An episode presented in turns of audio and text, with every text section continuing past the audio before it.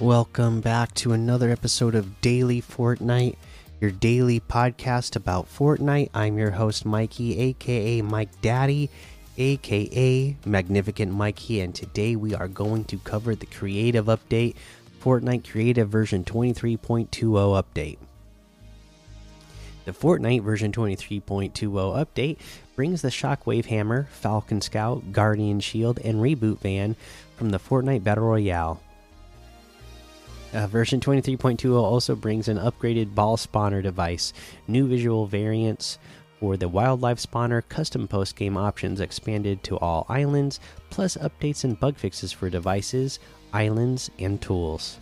Shockwave Hammer. The Shockwave Hammer is a melee weapon that only that not only does damage but can also launch the player, a player's squad, or their opponents away from the point of impact. After charging up the slam attack, the players can launch others by releasing the primary fire control while they are jumping in the air. They can launch themselves and others by holding primary fire control when the hammer impacts the ground. It's the it's like the shockwave grenade, but on a giant hammer. You can place oathbound chests on your island to give players a random chance to find a shockwave hammer. The Falcon Scout the Falcon Scout is a me mechanical flying companion that players can use to mark opponents, open containers, and carry loot to themselves or their teammates. There's a price to pay for the powerful tool. While guiding the Falcon Scout, the player is vulnerable. It's up to players to determine whether it is worth the risk. You can place Oathbound chests on your island to give players a random chance to find the Falcon Scout. Guardian Shield for players with Wait, four players. A little cover goes a long way. The Guardian Shield deploys a protective barrier in front of the player that blocks incoming damage. This shield can provide players with mobile cover while they are on the move. It can also be thrown on the ground to create a stationary point of protection. The shield is temporary and changes colors to indicate how much time the player players have before it runs out. You can place Oathbound chests on your island uh, on your islands to give players a random chance to find a Guardian Shield. Reboot Van Spawner. Place the Reboot Van Spawner on your islands to give your players the ability to revive eliminated team members. You can customize which teams or classes can use the Reboot Van, as well as trigger events when the Reboot Van is recharged or when a set of players has been rebooted. Reboot cards drop from eliminated players, but only if the eliminated player has teammates who could pick up the card when it is dropped. There are there also must be a reboot van that the eliminated player's team or class can use. There is also a new option on the settings tab of My Island called Drop Reboot Card on Elimination that is set to if can be rebooted by default. If you set the option to no, reboot cards don't drop for any eliminated players. New ball spawner. We've been working to create a new upgraded ball spawner that uses our modern physics system, and we're excited to have it released in version 23.20. Along with improved physics behavior, we've added other options and adjustments as well. For example, you can adjust the size of the ball directly, you can customize the maximum distance range, and you can set the ball to trigger events when players touch it. With the release of the new ball spawner, the previous ball spawner device is known as Ball Spawner Legacy. In the future, the Legacy Ball Spawner device will be removed. No information on the new ball spawner has been added to the device document for Legacy version of the device. However, you can find a link to the new sections in a note at the top of the page. New variant models for wildlife.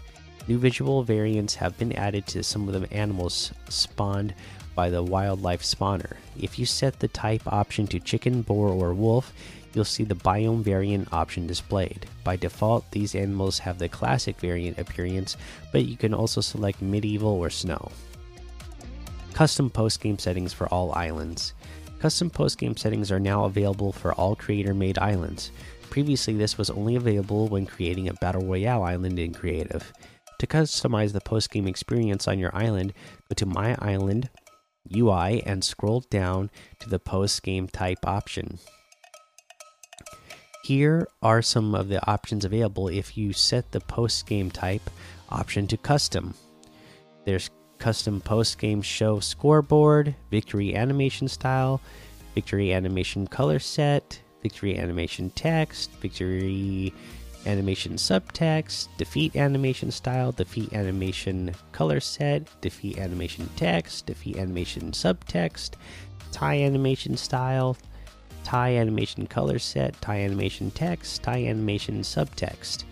For more information on post game option C, changing my island UI settings. You can also customize the post game UI using the end game device instead of the My Island settings and then they have a list of other updates and bug fixes. So you can check those out, but we're we're good to go on that. That is your version 23.20 creative update. So yeah, there's the news. Let's jump into uh, looking at some of these LTMs that we can play. Uh, you know, stuff like Combat Warriors, Sword Fight, Laser Tag Remix, um, Blender Derby, First Person Fight, New York, Red vs. Green Rumble, OG Zone Free for All, Bios Respawn Royale, the K Mansion Roleplay Map, uh, 1v1 Build Fights XL, and a whole lot more to be discovered in that Discover tab. Let's take a look at this week's quest crack an opponent's shields or have your shields cracked. You only gotta do it once.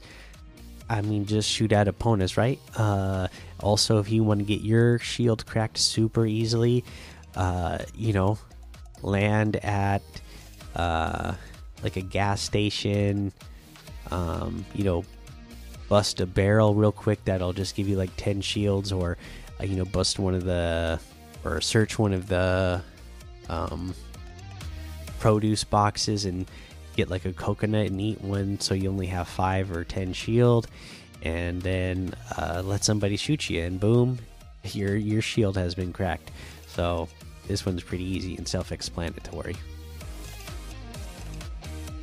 Either shoot someone or get shot right uh, okay, let's go ahead and head on over to the item shop and see what's in the item shop today.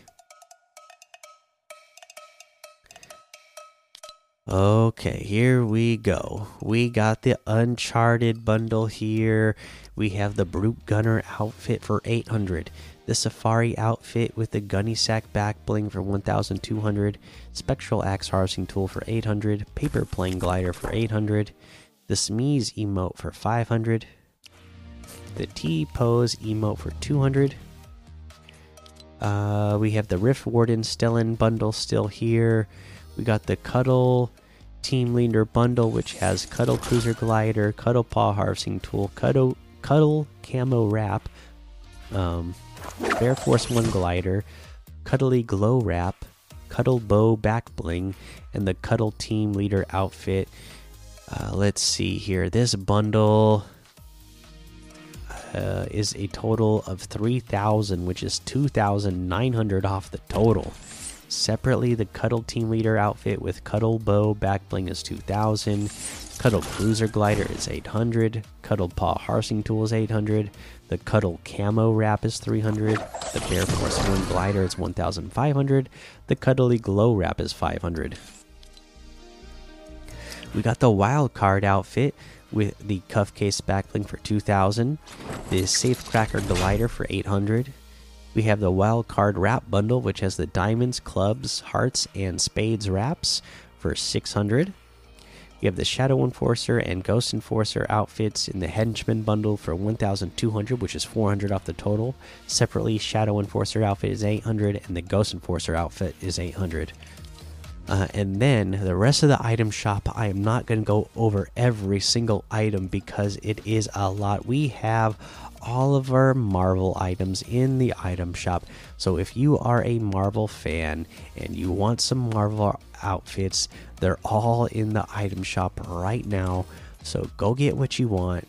Don't miss out. You know, they do this only every once in a great while, right? And if you're a big Marvel fan, you you want these outfits. You want uh, all your favorite characters whenever you get a chance to be able to get them you want to get them because again uh, you know it's not like they don't ever do it but it's only every once in a great while that they actually put these uh, outfits uh, in the item shop. So, you know, don't miss your chance. If you have the V Bucks, uh, go ahead and get them.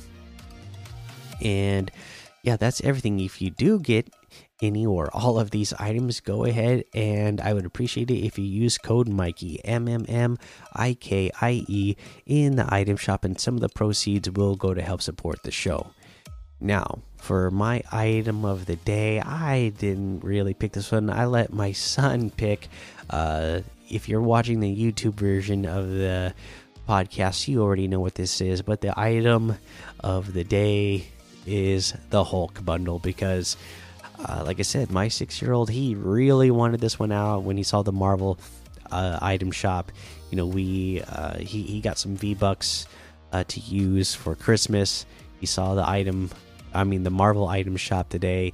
He wanted that Hulk. We had to get the Hulk bundle, so um, that's what we were excited about here. So that's what we got, um, and that's the item of the day.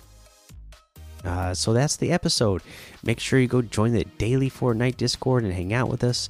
Follow me over on Twitch, Twitter, and YouTube. Head over to Apple Podcasts, leave a five star rating and a written review for a shout out on the show. Make sure you subscribe so you don't miss an episode. And until next time, have fun, be safe, and don't get lost in the storm.